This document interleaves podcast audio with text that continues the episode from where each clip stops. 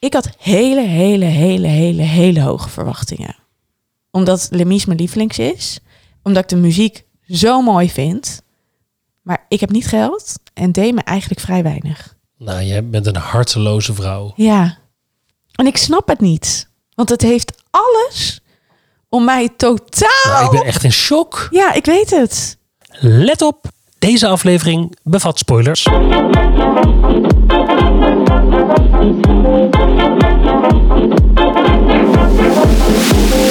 Ik vind hier iets van. De podcast met discussies zoals je die in de auto voert. Of in de trein, Of op het terras. of in een bubbelbad. Of overal dus. En het gaat over... Over... Over musical.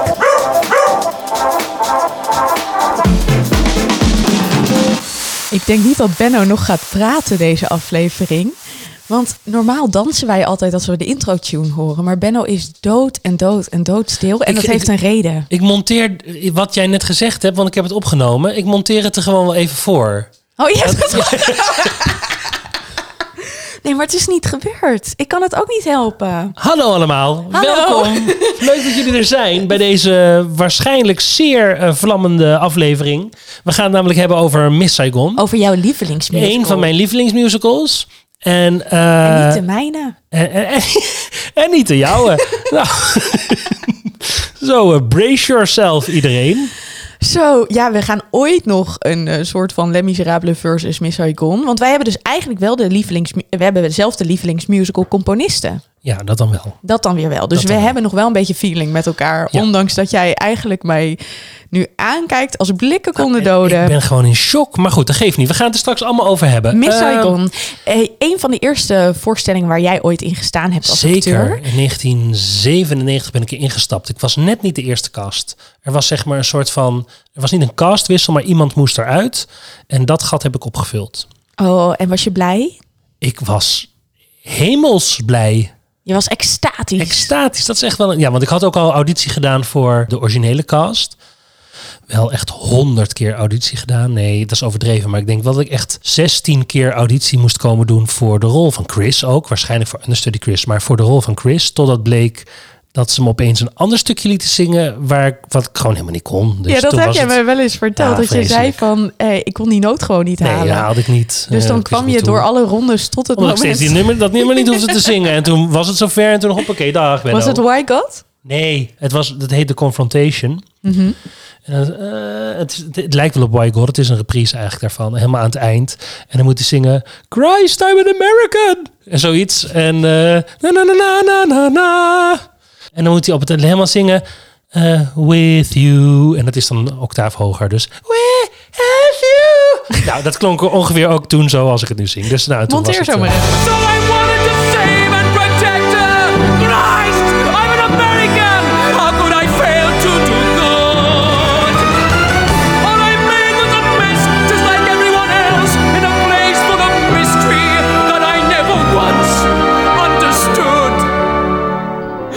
wanted back a world I knew.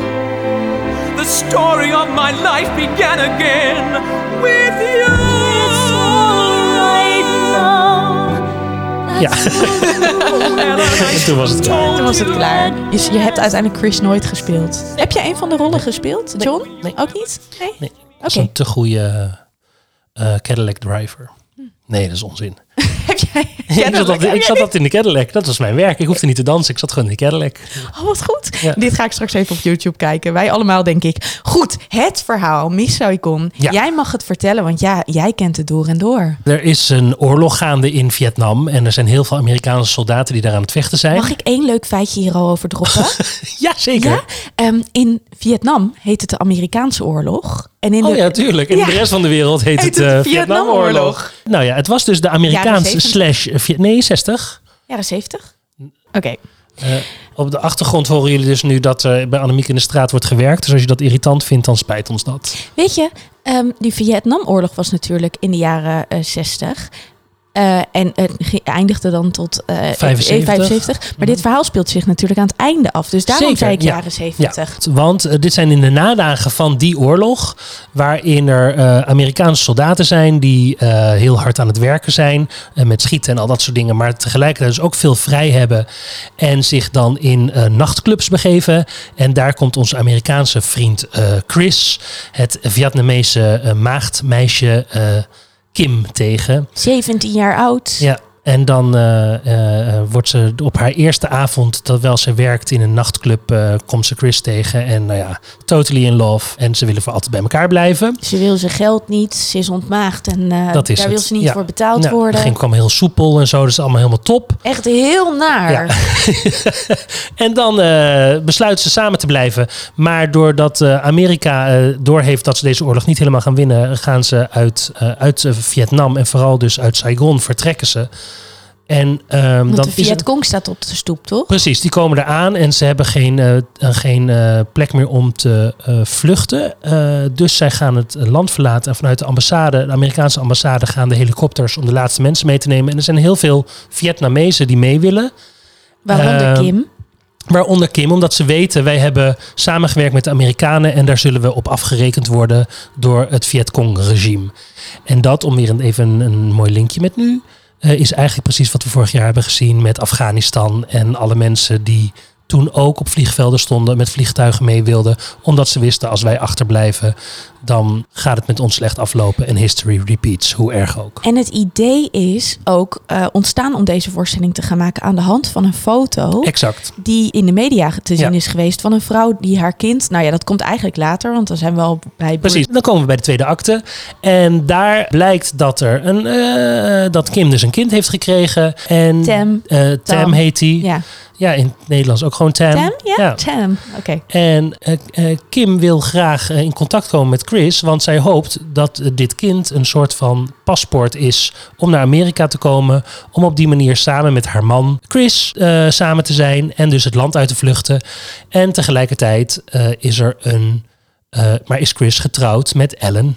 Ja. En Ellen, die weet in eerste instantie helemaal niks van eh, hele Kim af. Uiteindelijk, en nu ga ik niks meer vertellen, want dat ga ik te veel weggeven van Komen het ze einde. elkaar tegen in Thailand? Maar komen ze elkaar tegen en loopt het allemaal mis. Ja, het is heel dramatisch. Heel dramatisch. En eigenlijk heb ik nu maar twee van de zes hoofdrollen benoemd. Want er zijn eigenlijk nog meer mensen die invloed hebben op dit verhaal. Maar dat zijn eigenlijk de. Dat zouden eigenlijk de bijlijnen moeten zijn. Er is één grote rol nog voor de regelaar, de engineer in het Engels. En de engineer, dat is de, in eerste instantie de nachtclub-eigenaar. De en pooier een beetje. Ja, de pooier, de chageraar. Hij regelt, probeert eigenlijk altijd van iedere situatie het beste voor zichzelf te maken. En die staat eigenlijk voor het veer, de veerkracht van hoe mensen kansen zien om steeds maar weer te overleven in afschuwelijke situaties. Nou ja, en het belangrijke aan hem is natuurlijk, aan hem hebben we de naam Miss Saigon te danken. Want eh, daar beginnen we mee. Ja. Er is een soort van misverkiezing Iedere onder avond, de ja. prostituees in de nachtclub. En eh, ja, dat is zijn manier om de Amerikaanse soldaten geld te maken. ja, precies. Omdat Want die als- mag gratis, dat is eigenlijk wat het is. Precies, en als dat is dan Miss Saigon. En Ja. inderdaad, eh, Wie kiezen we vanavond voor ja, Miss Saigon? ja, dus wie wil, eh, ja, wie wil Miss Saigon? Dat is het eigenlijk een beetje. Zo openen we ook natuurlijk. Zeker. ja, ik zei het net al even en jij hebt het ook al een paar keer gezegd. Eigenlijk is het gewoon Romeo en Juliet in een specifieke situatie. Ja, het is eigenlijk meer eh Madame Butterfly, de opera. Ja, daar is het ook, eh, gebaseerd. gebaseerd. Ja, Ja, over een eh, Japanse geisha, Ja, toch? precies. Ja, precies. Maar ja, het is het al oude verhaal van een onmogelijke liefde. Ja, dat, dat is waar het. het, over gaat. Ja, en er speelt natuurlijk van alles op de achtergrond. De periode natuurlijk. Ja. Ik dacht nog, weet je, eigenlijk was het nog niet zo heel lang geleden deze geschiedenis toen de musical kwam. Het gaat echt over twintig jaar nog niet eens. Ja, dat klopt. Dat heb ik me nooit zo beseft. Ja. Want ik ben van de periode daarna. De musical is ouder dan ik. Ja, dat is correct, want de musical is uit 98. En ik jij kwam een jaar eh, later. Maar eh, dat, dat, nou ja, dat viel me gewoon op. Dat ik dacht van, nou ja, op het moment is Come From Away te zien in de Nederlandse theaters. En dan Mhm. ben je toch alweer twintig jaar verder. Terwijl, Ja. eh, en dat... dit nou, nu ook. Ja, 20 ja dat is waar. Eh, 75 ja, was de... precies, dat bedoel ik. Het ja, is vrij precies. Ja, snel ja. daarna gemaakt.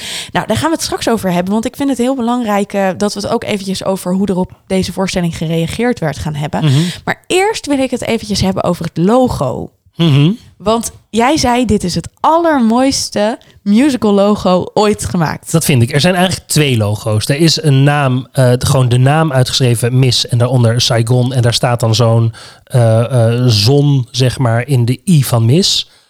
Maar ik heb het eigenlijk over het andere logo. Wat je vooral dus eh, ziet, het is een Aziatisch teken. Als je beter kijkt, zie je er een helikopter in getekend. En als je nog beter kijkt, dan zie je het vrouwengezicht, oftewel de Miss van Miss Saigon. En ik vind het zo goed samengesteld en zo goed bij elkaar gebracht. In één blik zie je meteen al dat drama, zeg maar. En eh, nou ja, goed, ik heb nooit een beter logo gezien dan het Miss Saigon logo. Het is echt prachtig en zo herkenbaar, ook met die zon op de achtergrond, die Ja, kleuren. ja. Dat is, eh, het is een logo waarvan ik echt uit de jaren negentig nog weet hoe het eruit ziet. En Ja. dat heb je echt niet overal. Nee, dat heeft Lemmy Schraapel ook wel een beetje. Ja, maar Dat dat, is uiteindelijk iconisch. gewoon een gezichtje van een meisje met een vlag. Ja, dat is En- waar. En, en hier zit echt kunst in, omdat het echt zoveel lagen heeft. En ik denk ook dat heel veel logo-ontwerpers vanaf dat moment zijn bezig geweest om het nieuwe logo à la Miss Saigon te Om dit maken. te evenaren. Ja, precies. Maar goed, jouw hart gaat van Miss Saigon enorm kloppen, hè? Ja, ik heb het voor het eerst zelf gezien in 1993 in Londen, Drury Lane. En ik vroeg aan jou, heb je Lia Salonga gezien? En toen zei je, ik weet het niet Nee, dat weet ik niet. Nee. Lia Salonga is eh, de eerste Kim. Ja. Eh, uit de Filipijnen ook echt. Ja. Ze was 18 toen ze auditie deed. Dus eh, echt ook een beetje de leeftijd van Ja. die Kim had. Want Ja. die was 17. Ja, er werd heel veel gecast in de, in de Filipijnen, ook in onze versie. Ik heb hem gespeeld in de, dus eh, 97. Circus Theater. En omdat de Filipijnen het eigenlijk Amerika van Azië is. En daar praten ze eh, goed Engels. Dus dat is eigenlijk voor de Londense en Amerikaanse cast fijner dan voor de Nederlandse cast. Eh, maar ze snappen ook heel goed, ze hebben een soort van Amerikaanse mentaliteit, waardoor ze ook heel goed dit showverhaal kunnen vertellen, zeg maar. Dus daarom werd er veel gecast in, eh, op de Filipijnen. En, en zo kwam Lea Salonga ook. Ja, dat is in die making-of is dat ook heel... Ja, er is een hele toffe making-of Ja, te zien op eh, YouTube. Precies, en daar laten ze dus ook zien. Ze zijn ook op Hawaii geweest en ze zijn echt de hele wereld Ja. over geweest. En uiteindelijk op de Filipijnen hadden ze dan Lia Salonga Ja. gevonden. Nou ja, dat is gewoon een icoon. Dat, dat is echt een musical icoon.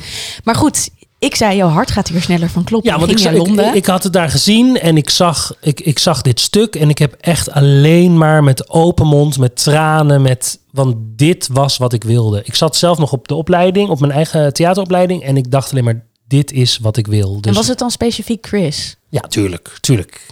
En het grappige is namelijk ook, in mijn beleving, en je merkte ook toen ik net weer het verhaal ging samenvatten, is Chris de hoofdrol. Ja. Terwijl Het is volgens Kim. de regels, nee, het is zelfs de engineer. Oh ja, tuurlijk. Maar ik was er echt ontzettend van overtuigd dat, de dat de Chris de hoofdrol was. Dus toen ik de layout zag van hoe er gebogen werd, begreep ik niks van. Want Chris moest toch als laatste buigen, want dat was de hoofdrol.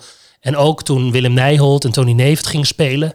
Ik heb dat echt heel lastig gevonden, omdat ik was zat zo in dat Chris-pad. En Tony Neef speelde Chris. Chris, dat is wel Nederland. goed Ja, om te precies, zeggen. Ja. ja. precies. Maar dat, de, dus daar ging je hartje dan weer even iets minder snel van kloppen toen je daarachter kwam. Nou nee, want de, eh, ja, dat was meer een ontdekking even. Maar het, het- het verhaal, ik vind het verhaal echt super tof. In Maar- die tijd, in hoe we op dat moment musical maakten. En wat maakt het dan voor jou zo tof? Nou, het is natuurlijk bijna opera aangevlogen. Het is heel groot, het is veel, het is... Maar het is ook tegelijkertijd heel Amerikaans show in de originele versie. En dus ook de versie waar ik in zat. Daar zat gewoon een echte, nou ja, echte, maar een echte helikopter. Het spektakel was zo groot. En dat contrast met het uiteindelijke drama en de, het, het verdriet van al deze mensen die, hoe pathetisch het ook klinkt, allemaal verliezers zijn in, in, in dit verhaal. Ja, dat vond het echt heel goed gedaan. Is dit voor jou wat musical is? Maar in ieder geval, het musical was. Ik weet niet of ik dat nu. Ik weet niet of dit nog in deze tijd goed overeind blijft. En dan heb ik niet eens zozeer over casting en al dat soort dingen, maar vooral over de grootsheid en het drama. Daar zijn veel meer naar een soort van kleinere verhalen aan het toe gaan, ook in het vertellen. Dus een kleinere manier van vertellen. Het is uiteindelijk heel jaren negentig. Heel inderdaad. jaren heel 90, opportunistisch. Het, nummer The American Dream is natuurlijk ook gewoon letterlijk waar wat er destijds gebeurde. Ja, precies. Ja, maar grappig hè, want ik kan me dus echt nog herinneren dat mijn ouders hierheen gingen bijvoorbeeld. En we hadden net uitgerekend, ik was toen zes. Ja, ik was toen zes. Dus het, het was in die tijd ook gewoon echt dat musical iets was waar, dat was het uitje van het jaar. In die tijd in Nederland Mhm. was er gewoon een hele Miss Saigon avond op televisie. De, de, de premièreavond, daar stond de tijd stil van alles. Je had als acteur ook het idee, ik ben het middelpunt van het universum. Dat heb jij even gevoeld. Dat heb ik toen gevoeld. Jij wil het graag nog steeds af nee, en toe zeker voelen? niet. Nee, zeker niet. Maar ik vond dat bijvoorbeeld ook toen, eh, maar goed, dus even een zijtak. Mhm. eh, bij Titanic, wij gingen de première van Titanic spelen twee weken na 9-11. Och, En toen was er dus gezegd, dat moest allemaal gedownscaled worden. Want natuurlijk waren wij niet het middelpunt van het universum. En ergens voelde dat gewoon gek. Want als je in zo'n grote musical stond, dan stond heel de wereld toch even stil voor wat wij daar aan het doen waren. ja. En daar was Joop van der Ende natuurlijk ook echt fantastisch in om dat zo te promoten, zeg maar. Ja, en dat is zo. Ik denk dat ik nog een tipje van die sluier heb meegemaakt. Een beetje de tijd waarin ik puber was. Dat inderdaad eh, eh, de eh, revival van zowel Evita als Les Miserables kwamen. En eh, de Tarzans en, en, Mhm. Ja. en dat. Maar ik denk wel dat dat was wel echt het einde Zeker, van die tijd. zeker. Ik denk dat zeg maar voor... Want wat ik zei van dat mijn ouders daarheen gingen... was dan echt heel bijzonder. En Ja. dat vertelden ze ons dan ook. Ja. En dat was echt zo'n uitje. Nou, ik zei, ik ging slapen bij de buren toen. Dat weet ik gewoon Ja. nog, terwijl ik zes was. Ehm, dat was iets wat destijds gebeurde, maar wat nu misschien ook door de overkill, Ja, misschien wel, maar ook omdat het dus gedevalueerd is of zo. Dat het, door, de, de, door ook dat je Netflix-verhalen Ja. zijn alom. maar, maar ik heb echt in de hoogtepunt van grote musicals geleefd. Oh, ik ben er wel een beetje Ja, jaloers op, want ik. ik. had het heel graag willen zien allemaal. Ja. Maar goed, ja, nee, dat kon toen nog niet. Ik weet wel dat ik heel boos op mijn ouders was dat ik niet mee mocht. Ja, en, en kijk, eh, dat snap ik. Maar daar staat tegenover Miss Saigon, maar daarvoor speelde de Phantom in het Circus. Theater. Al dat soort voorstellingen, die speelden ook drie, vier jaar in zo'n theater. Elisabeth. Dus er, er was tegelijkertijd ook heel weinig aanbod. Alleen al da- daardoor, zo'n theater hield gewoon drie, vier jaar zo'n... Voor, of zo'n eh, voorstelling hield drie, vier jaar het theater bezet. Ja, precies. Dat was echt iets. Nou, en als we het nu een jaar voor elkaar krijgen, dan staat de volgende alweer gepland Ja, bijna. precies. Zo is het Ja, hoe het ja, nu gaat. ja. Ja. wat een tijd. Hoe was het om met Willem Nijholt te werken, Ben? Willem Nijholt is voor mij... Het is, het is een ontzettende complexe man. Een enorm groot verleden. Daar zijn ook boeken over geschreven. Die moet je echt lezen, want het is super tof. Maar zo'n man van de oude stempel, en dat bedoel ik positief, die zo goed het vak musical in zijn hele zijn had. Ja, ik, dat was echt een feest. Hoe iemand eh, zingend kan vertellen, kan dansen, kan bewegen, met, met zijn pink gewoon een verhaal kan vertellen. Ja, dat, dat, dat eh, nou ja, goed. Je hebt echt een mooie anekdote, toch? Ik heb er Hierover je meer, ja van, zeker. Er zijn er een paar. Ik, ik heb iets met een, een schoen onthouden en waarvan jij zegt van nou, dat was voor mij zo'n moment waarvan ik dacht, Nou, deze de- man die, die leeft dit Ja, gewoon. precies. In de, in de American Dream, eh, wat ik net vertelde, ik mocht iedere avond in de Cadillac zitten. En de Cadillac die stond op een soort van schaarbeweging. Dus die kwam dan van hoog naar voren rijden. En terwijl we naar voren reden, reed je naar beneden. Dus ik had echt een fantastisch uitzicht over dat hele toneel waar iedereen stond te dansen. En eh, Willem Nijholt stond hysterisch heen en weer te schreeuwen en te springen. Want de Cadillac jasje. was, was zeg maar de prijs voor het Amerikaanse bestaan wat hij leidde, zeg maar. En terwijl hij dat aan het doen is, eh, breekt de hak van zijn schoen af. En dat waren echt flinke hakken. Dus ik denk wel dat zijn hak, eh, nou wat dat zijn, de 8 centimeter of zo hoog is. dingen. Nee, het waren echt schoenen. Dus echt schoenen met een hak. Ah ja. En die breekt af. Dus ten eerste heeft hij, dus loopt hij mank, want hij heeft nog maar eh, één hak. En te- tegelijkertijd ligt die hak ook op het toneel, wat een potentieel gevaar is voor alle dansers die zich daar eh, omheen moeten begeven. En hij danst door alsof het niks is, maar maakt een pirouette. En in die pirouette schopt hij tegen die hak aan en schiet hij die zo de coulissen in. Op een manier waarvan ik zeker weet dat als ik het zou doen, ik of er overheen zou hebben Of geschopt. tegen het hoofd op Of de hem eerste precies. rij. Ja, maar dat hij dus, maar gewoon de controle en de souplesse waarin hij dat kon en waarin hij dat dan even zo wegtikt en wegspeelt alsof er niks aan de hand is en dus altijd boven de materie stond om dat gewoon zo te organiseren. Ja, briljant. Wat een vakman. Er is nog een, eh, een, dat is eigenlijk zijn beste anekdote wat mij betreft.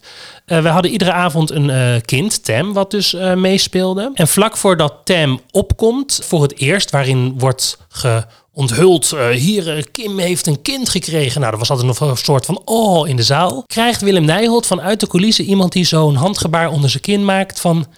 Komt vanavond geen Tam, want Tam durft niet meer. Tam was gewoon bang, die wilde niet meer op. Ze hadden van alles geprobeerd. Tam ging niet meedoen En hij vanavond. is zo essentieel voor het verloop van het verhaal. Zeker. In de pauze is er toen een nieuwe Tam ingevlogen. Dus na de pauze was hij er wel. Maar Hadden jullie er backstage altijd twee? nee, toen nog niet. Sindsdien zijn er dus altijd is er een backup Tam, zeg maar. Ja. Dus, nou ja, oké, geen Tam. Dus maar door. En Willem dus even zo met grote ogen van... Oké. En die heeft daarna op rijm een heel nieuw verhaal gemaakt. Gewoon van, jij wil zeggen dat Tam die nu eh, daar is. En, maar gewoon zo knap dat iemand zo in het nu kan leven op het toneel. Dan denkt, oké, dit is de situatie. En daar gewoon naar handelt. En dus steeds over een kind praat daar, wat hier niet is, wat ver weg is, maar wat wel onderdeel van dit verhaal is vanaf nu. Ja, echt zo goed. Dat je bijna zou willen dat je bij die voorstelling was geweest... omdat je dit unieke moment Ja, had mogen... exact, Dat is wat theater Ja, is. Het exact. gebeurt op dat moment. Exact. Waanzinnig. Ja, echt zo goed. Wat heb jij van hem geleerd? Wat je denkt van, dat neem ik echt de rest van mijn carrière... niet per definitie als acteur, maar gewoon over theater. Altijd 100%. Je kan niet iets met halve overgave doen. Dus zorg dat je altijd vol in het nu het beleeft, het speelt, het maakt, het organiseert. Maar nou ja, leef 100%. Oké, laten we het dan over de muziek gaan hebben, want die is geweldig. Ja. Het is de tweede musical van eh, Claude Michel Schoenberg. ja. En eh, zeg je Claude of Cla- Claude? ja, Claude. Claude. Het is Frans Ja, eigenlijk. hè? precies. Claude. Net als een hair zeg je ook Claude. Ja. Ehm, en daar hadden ze dan in het Nederlands Claude van gemaakt. Ehm, maar eh, ja, de muziek. Ja, zeg maar... Ik, deze mensen maken wel gewoon de mooiste muziek ter wereld. En dit is lekker subjectief dat ik het op deze manier zeg. Maar het is zo... Ook de eh, Aziatische sound erin die er doorheen klinkt. Ja, daar moet ik dan zeggen, daar zijn zij niet per se voor verantwoordelijk. Oh, Want kijk, zij schrijven gewoon liedjes. mhm. Even heel knullig gezegd. En dan komt er een arrangeur, een hele goede arrangeur. En die gaat die liedjes voor een heel orkest maken. En wat bij Miss Saigon natuurlijk het ding is, is het fluitje. Het Aziatische fluitje dat altijd een beetje valsig klinkt. En eh, in mijn beleving deed een fluitje eh, ook maar een week hield het vol voordat hij echt te vals werd. Dus de fluitist die hem bespeelde, die ging op cursus om iedere week een eigen fluit te maken. echt? Wauw. Ja.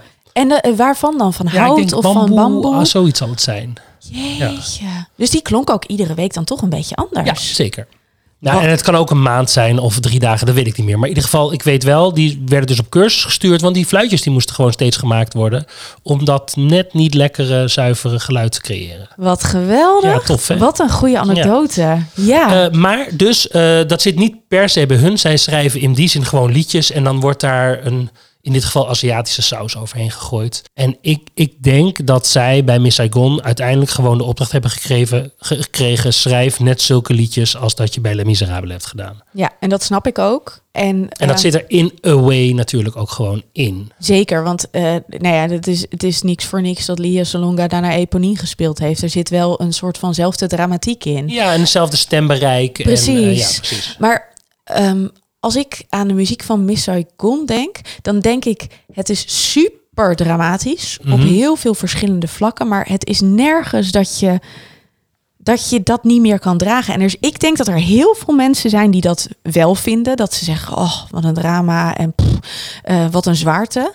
Maar op een of andere manier is dit bij mij precies dat het de goede snaar eh, raakt. En dat ik denk, maar ik wil hier helemaal in mee. Ja. Heb jij Nou dat ja. ook?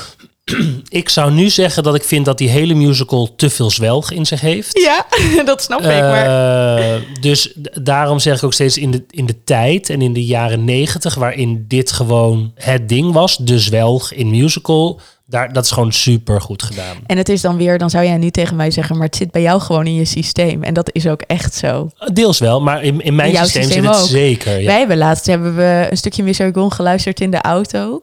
En toen zei hij op een gegeven moment wel inderdaad, nou, ik geloof dat ik er toch wel wat van vind. En toen was je eventjes in shock.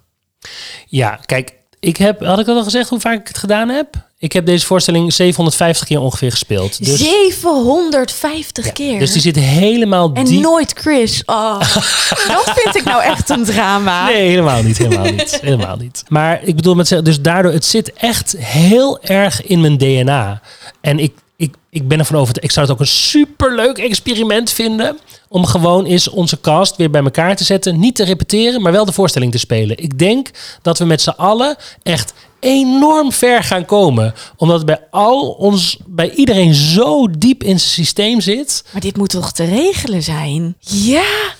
Nou, dat lijkt me echt Ja, leuk. het lijkt mij in ieder geval heel leuk om dat te doen. Fantastisch. Oh ja. Gewoon niet repeteren, gewoon maar het zit gewoon zo allen. in ieders DNA. Ja, want ik denk ook de choreografie geeft me weer een lint. Want wij moesten op een gegeven moment zo'n lint dansen tijdens de Morning of the Dragon.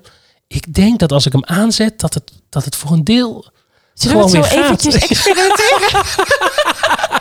en dan mag je ook even Chris voor me zeggen. Je mag zo op de foto in ieder geval even Chris Ja, zijn. dat is leuk. Dat Ja, is al meer dan dat je ooit leuk. gehad Ja, hebt. zeker, zeker. Oh, wat heerlijk. Zullen we toch ook heel eventjes naar de kritiek gaan? Ja, dat lijkt me heel goed. het heeft Ja. waanzinnig goed gespeeld. eh, gespeeld. Ja. Het heeft jarenlang in Londen, jarenlang op Broadway. Natuurlijk ook echt zo'n drie jaar hier in ja, Nederland. in Londen lees ik nu, is, heeft het 4264 voorstellingen Ja, gespeeld. en op Broadway iets van 4000. Dus ook Ja, echt 4092. absurd. Ja. Het werd dus heel goed verkocht. En dat was ook precies in die tijd waar Ja. je het net over had. Ja. Dus het was echt een eh, één grote hype. En eh, iedereen kende natuurlijk Les Miserables. Dus dat heeft ook gewoon heel erg geholpen. Absoluut, want dan ja. denk je, dit is de volgende. nieuwe dit Les de Miserables, tweede. Eh, en jij zei het net van tevoren al. Het was eigenlijk, is het Les Miserables, maar dan met een simpeler verhaal. Precies, Wat minder ook wel, personages. Ja. Eh, begrijpelijk is dat dat dan zou kunnen aanslaan. want het grote probleem met Les Miserables is toch alle personages. En dat zeg ik Mhm. de grote Les Miserables liefhebber.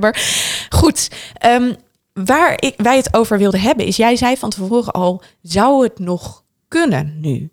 En dat alles heeft te maken met verschillende dingen die in deze voorstelling zitten, die natuurlijk nu heel erg onder vuur liggen. En dan hebben we het maar meteen over de openingsscène, Ben. Want wat, wat gebeurt er dan? Nou, de openingsscène, eh, eigenlijk is het de tweede scène. Er zit een soort van proloog en dan komt eh, The Heat is On. Dat is de opening, de echte opening. Dan zien we dus de nachtclub. En in de nachtclub, daar, eh, nou eigenlijk wordt er gewoon letterlijk gesmeten met vijf, zes meisjes. Die worden constant eh, in hun tieten geknepen, aan hun kont gezeten. En dat werd ook gestimuleerd, zei je. Dat net. werd enorm gestimuleerd. Nou ja, dat, dat was gewoon de opdracht. Ik moest iedere dag mijn neus tussen de borsten van eh, bepaalde actrices duwen. Dat was gewoon het beeld. En Dat zou dat nu echt nou niet ja, meer kunnen. Nou, dat, dat, eh, in ieder geval niet op de manier zoals wij dat deden. Ja. Want ik denk dat we dat veel technischer zouden aanvliegen nu.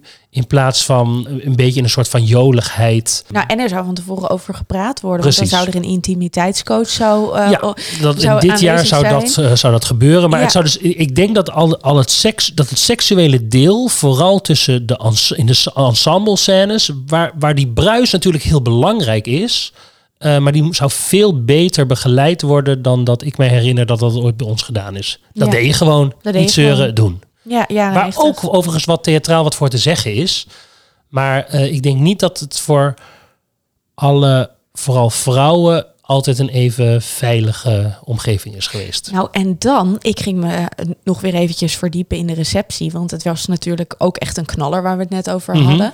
Maar er is dus ook best wel heel veel kritiek op geweest. En Mhm. ik kan me herinneren, want dat, eh, dat, dat raakt een beetje aan een gesprek wat wij ooit eerder gevoerd hebben. Dat als het gaat over casting, dat jij zei, Miss Saigon is nou per definitie zo'n productie waarin echt het ook door Aziatische mensen gespeeld moet worden. Tenminste, de Aziatische rollen.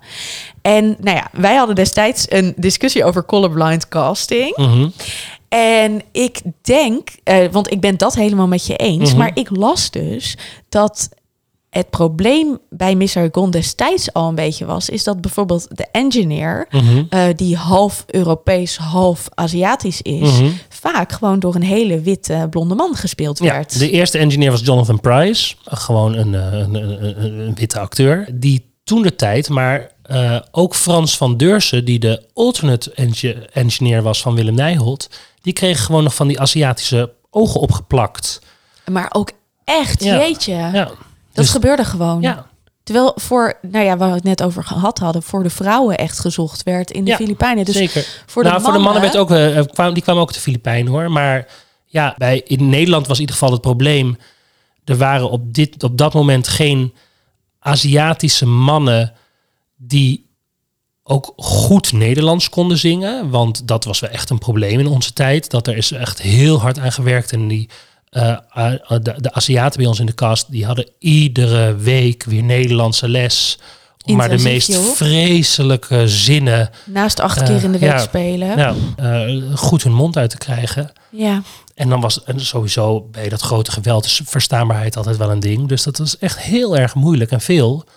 Dus dan kom je heel gauw uit op, nou, dan moeten we dus Nederlandstalige acteurs hebben. Wat ik overigens ook vind, dat je het met Nederlandstalige acteurs zou moeten doen. Maar ja, eh, liefst natuurlijk wel acteurs die ook kloppen binnen het plaatje. En nou ja, toen mochten we dat gewoon nog met opplakogen doen. Jeetje.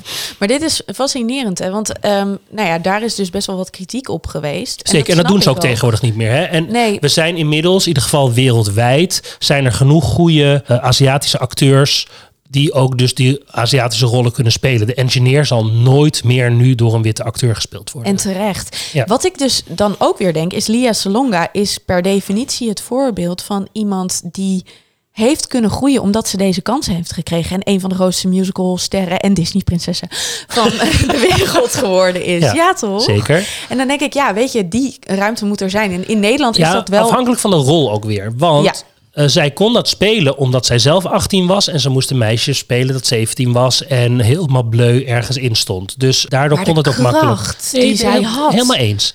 Het, het- dat is alweer moeilijker om iemand te spelen die verder van je vandaan staat. Eigenlijk is Willem Nijholt, hoe fantastisch ik hem ook vond, natuurlijk by far too oud. Toen al. Ik geloof dat hij toen al iets van 45, 50 was of zoiets. Terwijl hij, hij zingt op een gegeven moment... ik ga vanaf nu jouw broer spelen tegen Kim. Ah, ja. Want dan kunnen we samen de grens over naar Amerika. Dus dan zou die, laten we zeggen, eh, een twintiger tegen de dertig gaan moeten. exact, Ja, dat is eigenlijk wat het is. Maar dat was Stanley was eigenlijk ook te oud. Stanley Burleson Ja, bij denk de ik vorige. toen ook al, ja. want die was ook Ja. al. Jeetje, ja. Al, eh, ja, nou ja, al kunnen ze allebei voor vrij jong door, maar het verschil, Zeker. het contrast is gewoon heel exact. groot. En daar gaat het over. Ja, dat is ja. het.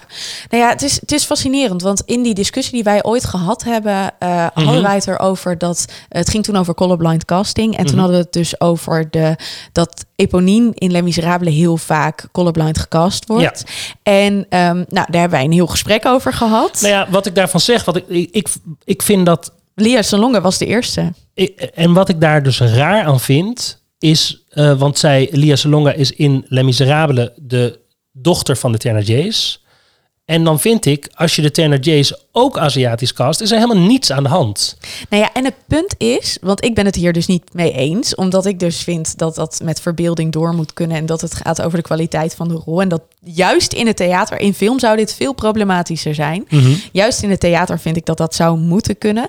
Maar waar het probleem ligt, en dat was op een gegeven moment ook het gesprek dat jij zei van ja, maar als colorblind casting op die manier kan bestaan, vond jij dat in zekere zin Saigon dan ook gewoon eh wit gekast zou Dan zou dus Kim worden? gespeeld moeten kunnen worden door een blonde actrice. Ja, en dan zeg ik weer nee, Ben. Want blonde actrices hebben al heel veel mogelijkheden Ja, in nee, het veld. nee, maar dan gaat het, allemaal. inderdaad Nee, daarover. precies, en dat maar- is gewoon, daar zou het in principe niet over moeten Nee. gaan. Want in principe zou het gewoon moeten kunnen gaan over kwaliteit. En dat ben ik met je eens. Maar dan moet dat gewoon je uitgangspunt zijn. Mhm. Dus als jij ervoor kiest, we gaan Les Miserables vullen met alleen maar de beste mensen, dan snap ik dat. En dan ga je gewoon helemaal niet naar kleur kijken. En ik ben daarvoor. Maar het Stop is het beleid vol. erachter wat jij lastig Precies. vindt. Maar er is een beleid dat er eigenlijk een soort van afspraak is. Zeker in het begin. Eponine is dan de rol die we colorblind casten. Mhm. Zo zit er ook een rol in eh, Titanic is er een tijd geweest. Dat was de, de lover van Guggenheim. Die gaan we dan colorblind casten. En daar vind ik dan, dat vind ik dan weer scheef. Ja, Als je dat zo zegt, dan snap ik dat. Maar weet je, weet je wat het bij mij is? Dat ik denk van de kritiek op Miss Saigon is ook dat Aziatische personages, en dan met name de vrouwen, eh, op een bepaalde manier natuurlijk ook onderdrukt worden. Het is een heel erg wit perspectief op het, Op het verhaal. verhaal, ja, dat klopt. Waar we het in het begin net Ja. ook al over hadden Ja. van, nou ja, hebt aan de ene kant heb je eh, de Vietnamese oorlog zoals we het noemen, maar ja, door de Vietnamezen wordt het de Amerikaanse. Dus dit, dit is dan vanuit het perspectief van Kim, maar Kim is gecreëerd door witte mannen. Ja. Dat is eigenlijk Absoluut, daar gaat het al kritiek. mis. Ja. Precies. Nou ja, en ik denk dan dus bijvoorbeeld, en als het dan over En, casting en, en dan, gaat, ga ik nog, dan kan ik nog even iets op aansluiten. Want het feit dat zij dus in haar eerste avond meegenomen wordt door Chris. Daar eigenlijk op de meest vriendelijke, vlindertjesachtige manier ontmaagd wordt. En dat gaat, nou ja, echt, het is echt typisch een mannenromantiek die nergens op slaat. ja, en wat, wat Ja, ja, dat, is het dus ook. eigenlijk. Ja, precies, Ja. dat is het. Ja. Maar eh, waar ik aan denk is, ik weet nog dat ik drie jaar geleden Book of Mormon zag in Carré. mhm. Eh, de tour die vanuit Amerika Ik denk Engeland Engeland, maar overkwam, maakt, maakt niet het uit. niet uit. Ja, ze is- Wat ik daar heel lastig aan vond, is dat ik in de zaal om me heen keek. Iedereen ging stuk. En dat ik alleen maar dacht, wij zijn hier met allemaal witte mensen die dan stuk gaan over Oeganda. En ik had daar zo'n buikpijn van, omdat ik dacht, dit is allemaal vanuit het white man perspective, zeg maar, Ja. eh, geïnitieerd. Ja. En ehm, dan nog snap ik, zeg maar, heus wel dat dat eh, grappig kan zijn en weet ik veel wat niet allemaal. Maar ik kon er vanaf dat moment, ik heb eigenlijk de hele musical niet gelachen, maar kon ik er gewoon niet om lachen. En dan voelde ik me echt een hele zure trut. Ik kan me voorstellen dat als je nu Miss Saigon zou spelen, dat je ook veel meer vanuit dat perspectief gaat kijken. nou, de vraag is, is, kan je dus Miss Saigon nu nog spelen? En zouden En mensen hoe dat dan zou je ook dat nog dan willen? doen? Ja. want ik snap eerlijk gezegd dus niet. Maar ja, dat mag ik als wit persoon niet zeggen. Want eh, ik, ja, weet je, wie ben ik om dat te zeggen? Maar ik zou me kunnen voorstellen, ik denk dat ik het zo moet formuleren, dat eh degene die, nou ja, de Oegandese zeg je, denk Mhm, ik, ja. ehm, spelen in Book of Mormon, dat die dat niet zouden willen, zo'n rol. Kijk, het gaat natuurlijk over de satire en dat is waarom ze het dan Daar kom je dan mee weg in dit geval. Ja. Maar ik kan me voorstellen dat je zo'n rol weigert. Omdat je Nou, de zegt, vraag is, de, de, de- eigenlijk moet je de vraag wat breder stellen. Als je dit soort verhalen aan de kaak wil stellen, wat je dan moet doen is heel vaak een tijdsbeeld schetsen, Mhm. waarin je dan toch weer eh, moet gaan zoeken naar eh, dat, dat tijdsbeeld vormgeven. En dat doe je door op dat moment toch weer de onderdrukte vrouw te laten zien. Mhm. Eh, er zijn op dit moment is er een serie eh, op Netflix. Dit heet eh, Dirty Lines. Dat Oh gaat ja. over de 06-lijnen. daarin moeten dus de acteurs van nu toch weer die, zoals mannen dat dan noemen, sletterige vrouwtjes neerspetten. Omdat we moeten laten zien in welk tijdsbeeld dat afspeelt. Er is op dit moment een serie over Pamela Anderson en Tommy Lee. Tommy Lee. over hun sekstape. Dat speelt zich ook weer allemaal af in de halve porno-sekswereld. Daar staan die acteurs van nu toch allemaal weer... die wat mannen fijn vinden, geile vrouwtjes te spelen. Nou ja, en in Red Light was natuurlijk Precies. uiteindelijk dat ook. Terwijl Ook dat weer. helemaal Terwijl- door vrouwen gemaakt Precies, is. dus ja. als je dat tijdsbeeld wil neerzetten... of dat, die situatie wil neerzetten... dan ga je toch weer de acteurs van nu dwingen... om die, die kleur aan te spreken. En die verhalen zijn er ook. Hè? Dus ik ben er ook... Ja, maar je kan ze ook niet overboord gooien. Het is ook niet zo dat je, dat je gewoon gaat zeggen... we gaan Miss Saigon nooit meer spelen. Want het verhaal wat daar... Wat het eigenlijke verhaal wat verteld moet worden... is namelijk heel interessant en heel ingrijpend en heel pijnlijk. ja. Dus je zou en precies volgens wat mij... jij zei ook heel actueel. Kijk naar Afghanistan. Exact. Dus je Ja. zou dus nu moeten zoeken naar een manier. Tenminste, als ik het zou maken, en dat wil ik bij deze voorstelling echt niet. Als ik het zou maken, zou, zou je dus moeten zoeken naar hoe kunnen we dat deel, dat hele wat mannen fijn vinden aan hoeren eh, deel, hoe zouden we dat anders kunnen vormgeven? Jij geeft mij nu een bruggetje om af te sluiten, weet je dat? Oh, maar we moeten nog zoveel vertellen. Ja, wil je, wil je nog wat vertellen? Deze musical, Miss Saigon, is nog steeds op een bepaalde manier in ontwikkeling. En dat gaat namelijk over dat er iedere keer bij Ellen, het personage waar we het helemaal niet over gehad hebben, Heel goed. eh, waar wij eh, straks in onze bonusaflevering het uitgebreid over gaan hebben Mhm. op Petje Af. Verschillende versies, of de, eigenlijk niet eens verschillende versies, verschillende nummers zijn geweest voor Ja. haar solo. Ja. En ehm, nou ja, ben jij benieuwd eh, hoe dat nou allemaal zit? Ja, ga dan naar eh, petje.af slash musical. Ik vind hier iets van. En wordt één van onze volgers. Ja, zeker. Daar zijn wij echt heel dankbaar voor. Ja. Want dit zorgt ervoor dat wij eh, dit kunnen blijven maken. Ja. Dat onze musical encyclopedie enorm uitgebreid gaat worden. Met ook heerlijke anekdotes, zoals vandaag van eh, meneer Hoogveld. En ehm, het mooie is ook nog dat wij dan, nou ja, september schreven we op af, toch? Ja, zeker. Lekker naar Londen kunnen. Ja, om te kijken en daar weer over te kunnen praten. Inspiratie op te doen. Ja. Dan nemen we onze microfoons dus mee Ja, zeker. in de koffer. Zeker. En dan eh, gaan wij eh, op de hotelkamer gaan wij wat afleveringen opnemen. Ik heb er zin in. Ja, absoluut. Eh, wil je meer van ons weten? Kijk dan even op onze Insta. Dat is musical Ik vind er iets van. Daar kan je ons vinden. Als je wat eh, wil vertellen, dat vinden we namelijk ook fijn, want we hebben weer iets nieuws bedacht. Eh, we krijgen namelijk best wel veel reacties van jullie terug over de afleveringen die we gemaakt hebben. En daar kunnen we er eigenlijk niet meer op reageren, omdat we alweer met de volgende aflevering bezig zijn. Of we doen het heel kort even op Insta, maar dat is Ja. zo lekker ongenuanceerd. Precies. Dus wat gaan wij nu doen, Ben? We hebben een plannetje bedacht. Ja, er komt een tweede, bo- tweede bonusaflevering over wat jullie vinden. En dan gaan we dus bijvoorbeeld nu eh, zo meteen nog de bonusaflevering van Hamilton opnemen. Waarin de reacties. Oh ja, ja, jawel. Ja, nee, sorry. Ik denk, die hebben we toch al gemaakt? Ja, hebt precies. gelijk. Waarin we dingen kunnen bespreken die jullie hebben gezegd. Zodat je eigenlijk, als je naar petje.af gaat, krijg je dus eigenlijk dubbele afleveringen. Je krijgt de extra aflevering over de verdieping van een van de personages. En je krijgt ook nog, het zei je twee weken later, ook nog eens even een gesprek over de reacties die wij erop hebben gekregen. En dat vinden we ook gewoon zelf super leuk. Want het Ja. is uiteindelijk natuurlijk, ik vind hier iets van. Precies. Dus er zit altijd die kritische noot. En eh, nou ja, Ja, die blijf kunnen we op dus met deze ons delen. Ja. Ja. op deze manier kunnen we die behouden. Dus je kan dat eh, doen via een DM'tje, gewoon via Insta. Maar je kan ons ook even mailen naar annemiek.ikvindhierietsvan.nl En dan eh, kun je ook je mening geven. En dan gaan wij dan weer op reageren in de extra aflevering. Bedankt weer voor het luisteren. Allerlaatste vraag. Hm? We hebben natuurlijk de Spotify afspeellijst. Oh, ja. Welk nummer mag niet ontbreken? Ja, The Morning of the Dragon. Ja? Ja, Oh, wat grappig. Dat is er eentje die heel veel mensen niet in eerste Nee, instantie zouden noemen. Maar juist waar. daarom. Nou ja, precies. Dat is het. Het is namelijk het meest Aziatische, eh grootste nummer. Ja, ik kan, ik Weet je kan wat er echt nog ga zetten? Nou, Ik ga erop zetten het nummer dat uit de voorstelling geschreven is. hoe? Je hebt, als je naar de making-of kijkt, Ja. dan eh, bij de auditie van Lia Salonga, dat Ja. ze in Londen is, Uh-huh. zingt ze Too Much for One Heart. Ken je Ah, het? ja, ja, zeker. En dat vind ik heel erg mooi. Daar moest ik vroeger altijd heel erg hard om huilen als ik het Mhm. hoorde.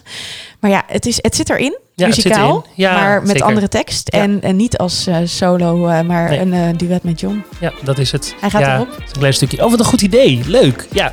En uh, nee, goed, eh, voor de rest eh, luister vooral een keertje naar de hele CD. Doe dan de originele hele Dankjewel voor het luisteren. Dankjewel. Tot de volgende keer.